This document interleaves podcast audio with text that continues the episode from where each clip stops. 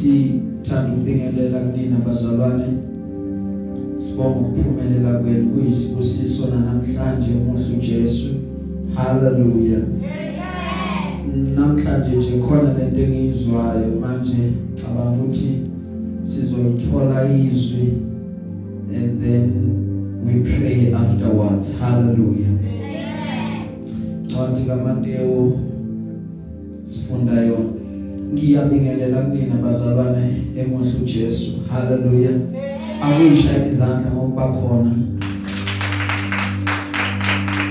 Sibingelele to abazalwane ababukela live ku Facebook ngelihle igama lenkosi. Sibulise to abazalwane ababukela ama video ethu ku YouTube ngelihle igama lika Jesu hallelujah sibulise to abazalwane abalalela ama audio ethu ngelihle igama lenkosi yethu whether be it ama podcast or whether be it lama audio esiwa senda ku WhatsApp amuhle uJesu hallelujah. Incwadi bazalwane siyifundayo kaMateyu nisavula amabhayibheli enu Matthew chapter 16 ama verse u13 ukuya evesini ka17 emuhle uJesu hallelujah. Namhlanje nginombuzo nje omncane ukuthi who is Jesus? Ungubani uJesu? Ngoba kumele uqonde ukuba akufunekanga uhambe naye umkhonze yet ungamqondi ukuthi kahle kahle ungubani. Hallelujah. You have missed the point if you keep on fellowshipping and uh, ungam understand ukuthi who is Jesus. So we need to have that understanding. This understanding it is um i-foundation yokukholwa kwethu i-foundation yokusindiswa kwethu. Umbuzo that we need to account ukuthi kahle kahle uJesu ungubani hallelujah. Who is Jesus? Glory be to God. Who is Jesus? Sizophendula lokho bazalwane kafushane. Amen. Cela uyiphethe ngesilungu sifundele Matthew chapter 16 ama verse 13 ukuya evesini ka17 ngelihle igama lika Jesu hallelujah. Matthew chapter 16 from verse 13. yes.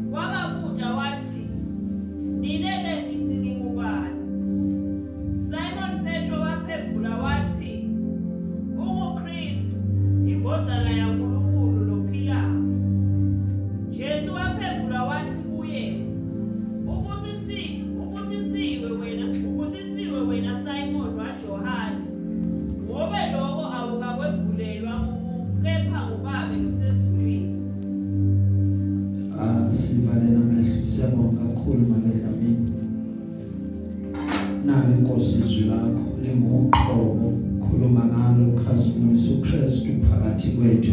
We come against any form of disturbance and disruption. Kuyona le ndawo ngelihle nelikhethekile lenze libe sobala kithina. uNkulunkulu amafike kuthina libe umlilo emathanjeni. Ngelihle nelikhethekile igama lenkosi yethu Jesu waseNazaretha. Amen.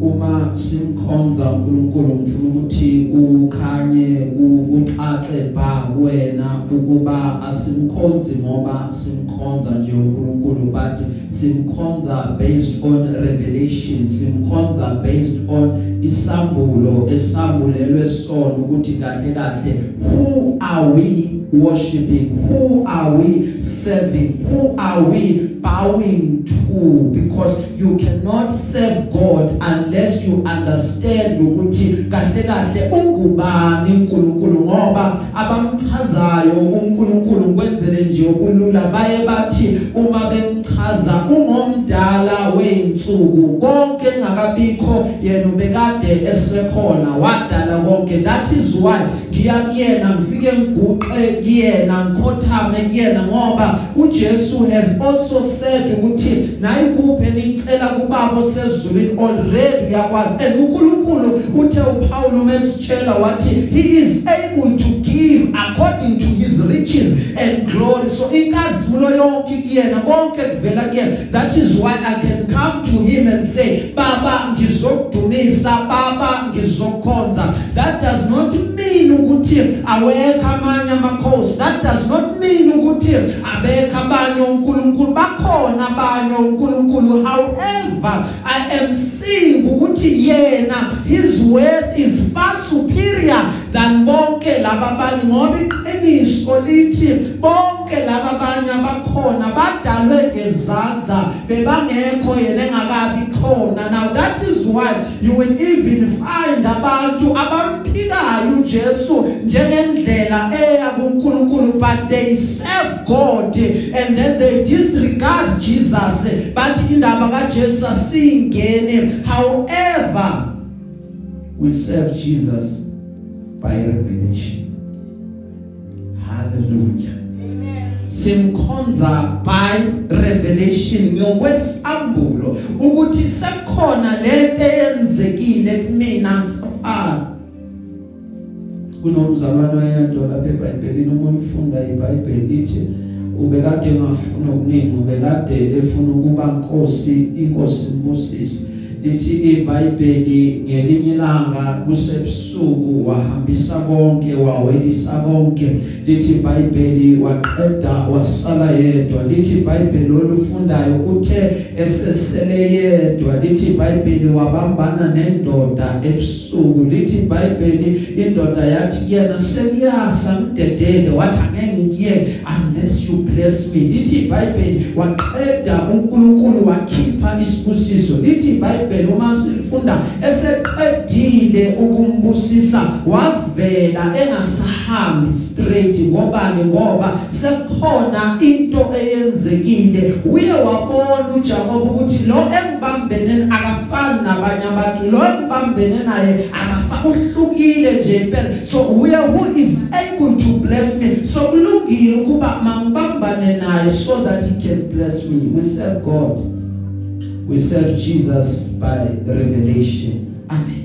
Amen. Hallelujah sesiyafika ke la siyakhona we serve uJesu by isambulo ukuthi ungubani. Ngithe kuwena khona abangafuni ukumkhonza ngithi kuwena khona abangafuni ukumlandela. However if you tell them about uNkulunkulu bayamazi uNkulunkulu. Uzuzwa abanye uma bekhuluma bathi siserve uNkulunkulu yethu indlela zethu ziningi. Bese uyaqaphela uyabona ukuthi no laba vele kahle kahle balahlekile ngoba uJesu uthe i am the way and the light.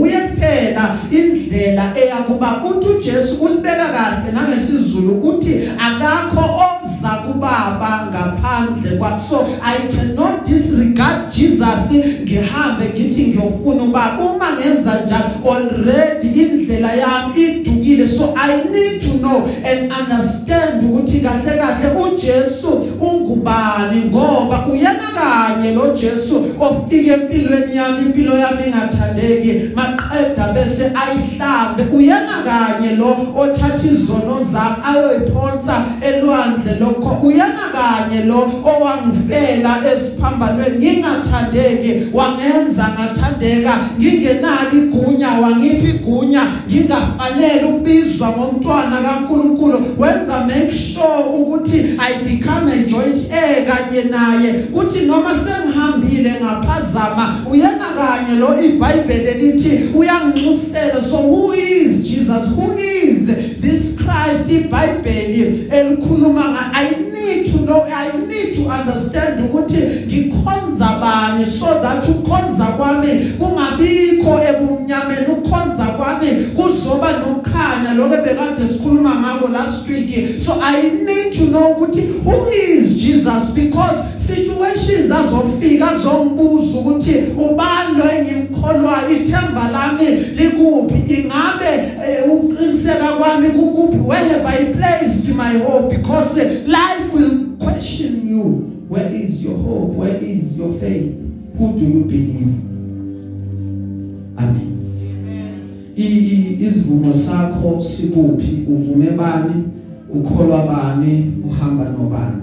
Haleluya lithi ke iBhayibheli esilifunda uJesu uthi mase bafika eCaesarea eFilipi lithi iBhayibheli wababuza umbuzo wathi abafundi bakhe abantu bathi indodana yomuntu ingubani haleluya who is the son of man? That is the question. Abantu khumbula abafundi uJesu uhamba nabo. So umbuzo wakhe umeqala akababuza ukuthi nina nithi ngingubani. Uqala ubabuza ngokuthi uma nizwa uma nilalela abantu mabekhuluma ngabathi ngingubani? Bese lithi iBhayibheli bayasho ukuthi hayi abanye babona ngazuthi wena kahle kahle uJohane umbhabhadisi and labo abazi ukuthi uJesu kahle kahle noJohane bake bakho bakhonza bobabili uJesu waba ngapha uJohane waba ngapha. Lithi iBhayibheli uJesu waba nabafundi uJohane waba nabafundi. Bese lithi iBhayibheli bakhonza kanye kanye. Lithi iBhayibheli baze babuya abafundi bathi sithola abanye inkosi abahambisa indaba zakho sibayekise na? uJesu uyabatshela uthi cha nize ningabayekisi ngoba abamelananga nathi nabo. Bathini? Bathi kingdom of God advance. Bathi hamba vakele bathi bathi qhubeka mbuso kaNkuluNkulu. So nize ningabayekisi lithi iBhayibheli uma ulifunda abanye bathi yena unguJeremiah but abanye babuye bathi ngazuthi ungomunye wabaprofeti so all that which you get uyathola ukuthi kusho ukuthi kahle kahle badidekile abantu abakwazi ukuthi bangamcategorize bathi kahle kahle ungubani. Because if babona ukuthi ngazuthi akusiyo uJona akusiye uEliya ngazuthi is one of the prophets. Hallelujah. Ngobani? Abantu they had confusion. They couldn't understand kahle hle ukuthi who is Christ. Hallelujah. Ungubani uKristu? Who is Christ? And and you need to understand you need to know ukuthi that confusion eh okubi ngayo ukuthi ayizange iphele ngeinsuku zaka Jesu however isaqhubeka namhlanje that confusion. Even in our time in our just in our generation even in our dispensation that confusion isaqhubeka. Abantu abam understand ukuthi kahle kahle who is Christ? Ungubani Christ? Then uthi Jesu uma ulifunda nina ke who do you say I am? Nina nina nina Johane ngihambe nani isikhathi eside. Nina Andrew ngihambe nani isikhathi eside. Nina Mateo ngihambe nani isikhathi eside. Nina Simon ngihambe nani isikhathi eside. Nina James ngihambe nani isikhathi eside. Who do you say? Nithi nina mina ngingubani? And iBhayibheli very specific uma ufunda kahle. Lithi uSimon kaPeter uSimon Peter wabanento waphendula and answer yakhona ishaya emhloleni. Lithi iBhayibheli wathi uma ephendula wena unguKristu indodana kaNkuluNkulu ophilayo you are the Christ the son of the living God. Glory be to Jesus. You are the Christ the son of the living God. Sizu Jesu athu Jesu ubusisiwe wena Simon ngoba eh inyama negazi ayikwambulelanga lokhu. But ubaba osezulwini okwambulele that is why ngithi kuwena ukuthi ukubambe ukuba sikhonza by revelation ukhonza ngabokuthi wambulelwe ini. Ungubani uNkulunkulu kuwena umbone enzani? What has God revealed to you? Yini lento ethi awuzukwazi ukuhlukana noNkulunkulu ukuthi uNkulunkulu yini le akwambulele yona? Wazambula kuwena wathi i am this person to you. Hallelujah. uNkulunkulu ekuzwa lithi iBhayibheli uMoses uyabuza uthi Nkosi ngiyothi ngithunywe ngubani? Lithi iBhayibheli hamba batshela weMoses ukuthi unguyena onguyena uyena lo okuthumile. The great i am has sent you. In other words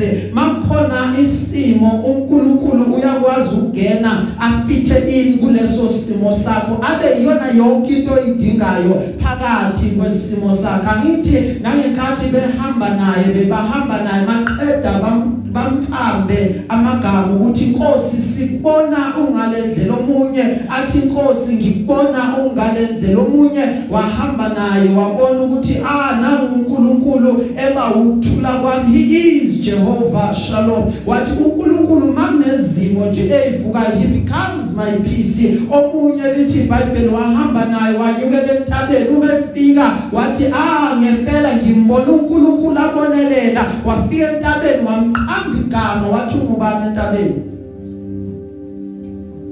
Hallelujah. Glory be to God. He is a God obonelelayo he is a God who provides. So they gave him a name based on ukuthi what they've seen God do. But i want us ukuthi just for today sibuke ukuthi uJesu kahle kahle ungubani lithi iBhayibheli inkinga yabantu. Uma uJesu ngesikhathi sakhe ekhona most of the time ukuthi they they they, they had a strong resemblance noma ehlaleni kakhulu ukuthi uNkulunkulu can provide isinko uNkulunkulu angabonelela ngaloko esizokudla now lithi iBhayibheli uma uJesu eqala ekhuluma nabo uthi niyakhumbula nina ukuthi ubaba wanipha isinkwa esiqhamuka from ezulwini. Uthi eh, ngesandla saka Mose ubaba made sure ukuthi you get the bread you eat the bread sahamba sahamba leso sinkwa saphela. But i want you to ukuthi ni ni ni understand ngoba into ephindi bashaye in that context ku John chapter 6 ukuthi lithi iBhayibheli bebakade badinga isinkwa ngoba bebalambile balalela uJesu ebashumayeza. Now lithi ke iBhayibheli uma eqeda ukubapha isinkwa he made them to understand ukuthi kahle kahle uJesu yena he is isinkwa he is the bread of life. Uthi uJesu kubona yes nizosidla lesi sinkwa. Nami ningilandela nje ngoba nginikeze iloaf yesinkwa kuba nidle but you need the bread. Othi umuntu uma edlile angaphinda lambe you need the bread. Athi umuntu makazidlile leso sinkwa angaphinde ome. Maqeda bayambuza bathi inkosi sicela ukuthi uhlale usipha lesi ngoba iconcern yabantu most of the time is where do we get this bread so that singaphelelwa isinkwa ngoba each and every time indlala umifika yenza ukuthi abantu bangene ku confusion as to say ukudla siyakuthola kuphi? Uthi uJesu mekhuluma nabo yimini isinkwa sokuphila? Lo odla mina akaphinde alambe. Lithi iBhayibheli uma silifunda uphinda athi kubona mina ngingamanzi okuphila ophuza mina akaphinde or then they ask one question ukuthi how is he the bread? Because siyamazi ukuthi uzalwa uba akayena yini the son of the carpenter. Because abantu uma bebuka whatever thing enjoyilethayo bayathanda ukuthi bayehlise ifike ku level yabo so that they can be able to offer you a certain kind of respect. Abantu bakuhlonipha ngokwe level yabo. Amen. Nohlobo labantu engelize lihloniphe noma ungenzani noma ungahlala ofisini elikhulu. But for the mere fact ukuthi uyakwazi for the mere fact ukuthi ukukhumbula the time usesewumntwana usale ngamafinyela uyolo kahleli kulo anyamazi mosilona and manje that is a, a very serious problem because abantu baye balahlekelwe izinto zabo uma becabanga ukuba bayakwazi kanti abazi ukuthi uNkulunkulu uyafika amguqule umuntu. Be to God uNkulunkulu uyafika amshintshe umuntu uNkulunkulu yebazalwane uyamshintsha umuntu. Angifuni ukuthi uma ungilalele ulalele ngokuthi ucabanga ukuthi hayi ngiyamazi ngimjwayele then if that is the case make it a point ukuthi kungenzeka ukuthi kulahlekelwe lokhu uNkulunkulu afuna ukuletha in your life. Hallelujah. Glory be to God. Ngifuna ukuthi ukulalela kwakho ulalela ukuthi what is God saying empilweni yami? uNkulunkulu ungisiza kuphi? uNkulunkulu ngiguqula kuphi? So that I don't miss isibusiso sami I don't miss my blessing. Hallelujah yebazalwane so uJesu uma umekhona emhlabeni sithola anamagama amaningi bazalwane avelayo. Lithi iBhayibheli uma uJesu esemhlabeni ufike emhlabeni azoba our advocate. Advocate uJesu uyena osikhulumelayo uyena osiqoselayo lithi iBhayibheli uJesu uyimvana kaNkuluNkulu ophezulu konke umbuzo nje enginawo namhlanje ukuthi who is Jesus? Lithi iBhayibheli uma ekhuluma nabo sisi bakalazaro ukuthi yimini ukuvuka nokuphila? Uma silifunda iBhayibheli uthi mina ngingumalusi omuhle. Lithi iBhayibheli uphinda futhi abe umlondolozi wemiphefumulo yethu. Lithi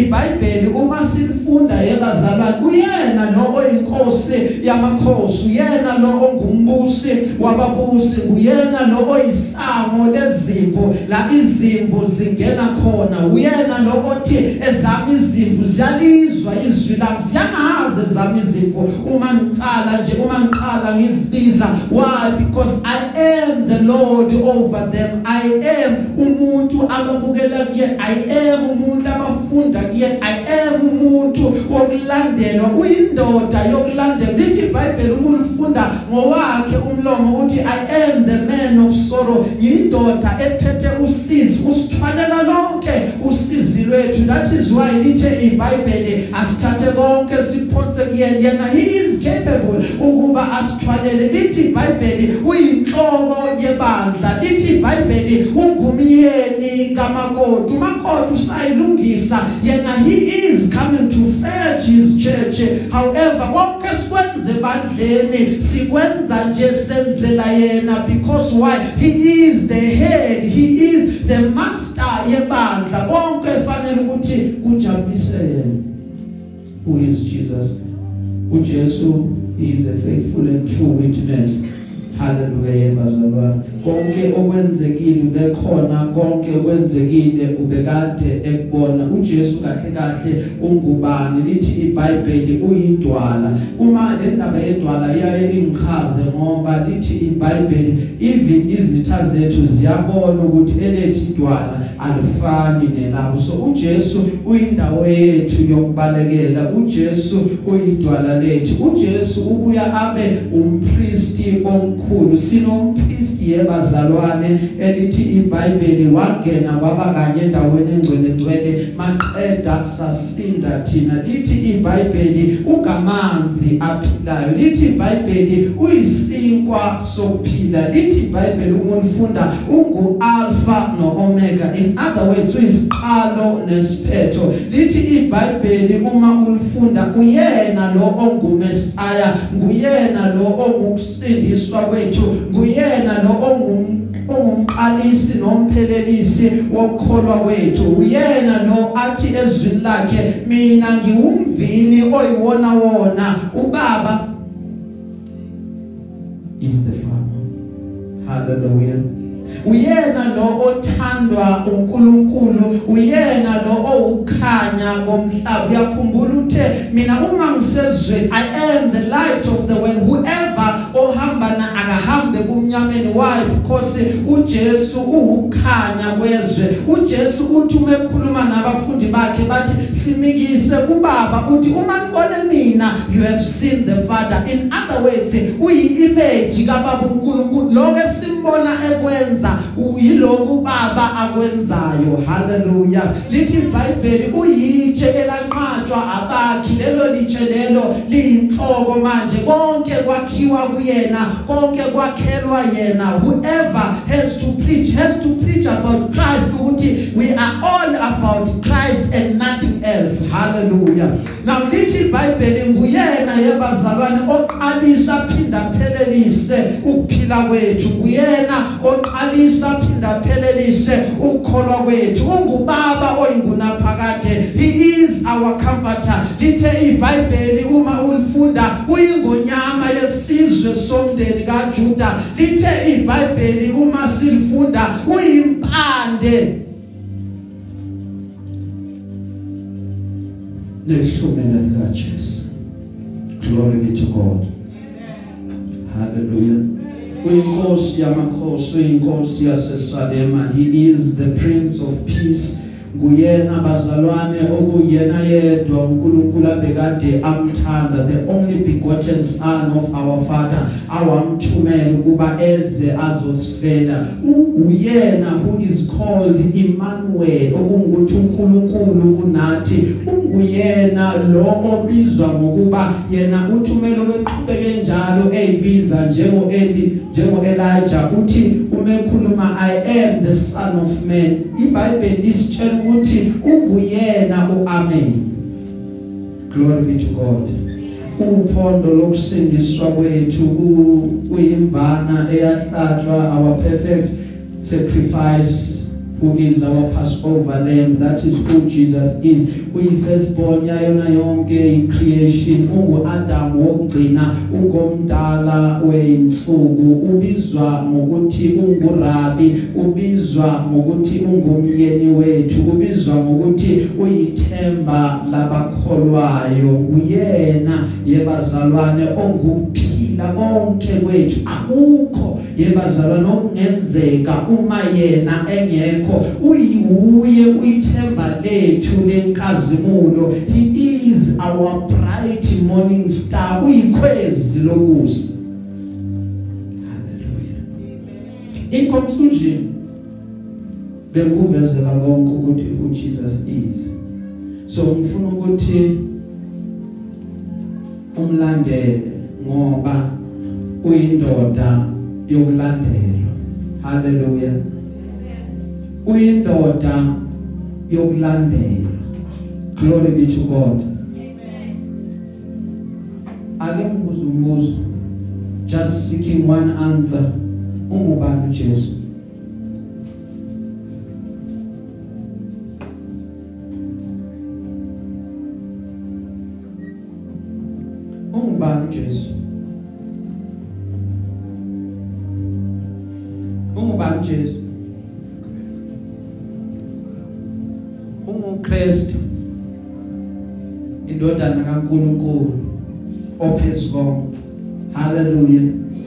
Uma uma uKristu ekhona sesiyagcina yebazalwane uma uKristu ekhona most of the time ulifunda izwi lenkosi. Yena ubengayibizi ngokuthi uyindodana kaNkuluNkulu. He often called himself the son of man. Hallelujah. Why Jesu uzozibiza ngokuthi you are the son of man and yet uSimon uthi wena Jesu unguKristu indodana kaNkuluNkulu. Why Jesu kwezinye indawo uma ukhuluma uthi konke engikwenzayo ngikuthatha kubaba konke okuvela kimi oqhamuka kumina it comes from the father. So automatically eh, uma mina ngibuka bengasho ukuthi okay ngempela ngempela yena uyindodana kaNkuluNkulu ophezulu uyalikhumbula lela sosha elithi iBhayibheli lamhlaba ohlangothini? Lithi lela sosha maseliqedile kumhlaba ohlangothini sekuphuma igazi lingena emehlweni alo. Lithi surely this was the son of the living God. Now why Jesu wena? Ubukade ungavamanga ukuthi uthi mina ngiyindodana kaNkuluNkulu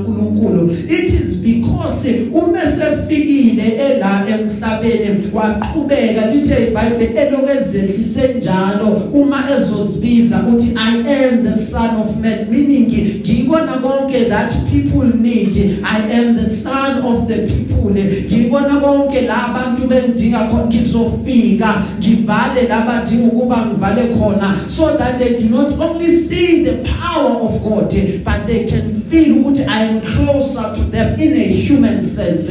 I hope that is clear. Ufike in a human sense yes he is God. We are not disputing that but wazehlisa lithi iBhayibheli ukuze umebizwa.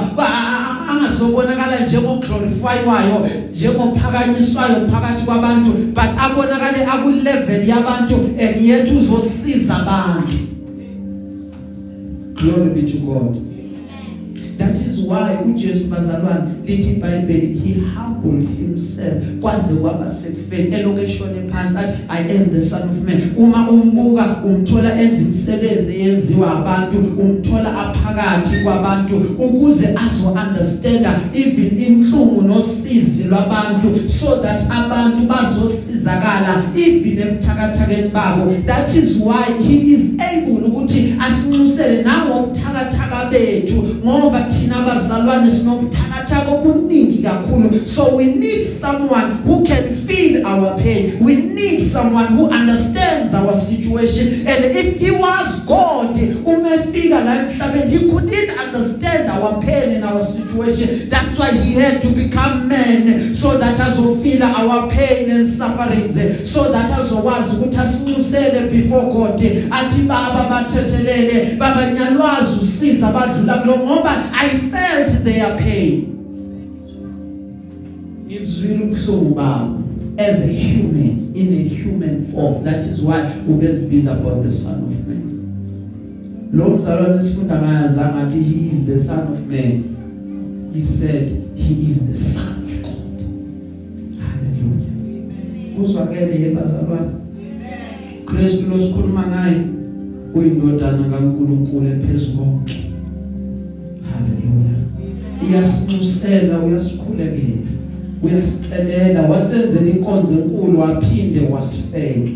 Haleluya yebazalwane asimdumise with an understanding asimdumise ngokuqonda ukuthi who he is. Ukhumbule. iBhayibheli uma likhuluma umuntu limhlukanisa kaningi igaba eziningi umuntu bemali limhlukanisa. However abafundi beBhayibheli basho into eyodwa ukuthi when Jesus came he was 100% human. He was also 100% God. But there were instances la ubunkulunkulu bakhe wabsuppressa khona ukuze kuvele ini ubuhuman bakhe ukuze kuvele ini ubuntu bakhe kungaveli ini ubunkulunkulu bakhe that is why ohlabelelayo athi he could have called a thousand angels ukuthi azomsiza but he chose to suffer ukuze abantu basinde basindiswe that is why ngenkathi sesiphambanweni athi Eloi Eloi lama sabathane okungukuthi inkosi ungishiyeleni na? Because uNkulunkulu akakwazi ukushiya uNkulunkulu. uNkulunkulu is ever present ekuNkulunkulwini however when he took the human form when he took this the form of sin uNkulunkulu wamflathela. It is at that very moment that wathi inkosi ungishiyeleni glory be to God. Who is Jesus? Ungubani Jesu? The son of man the son of God. Glory be to God. Singaphakamani nasonke bazalwane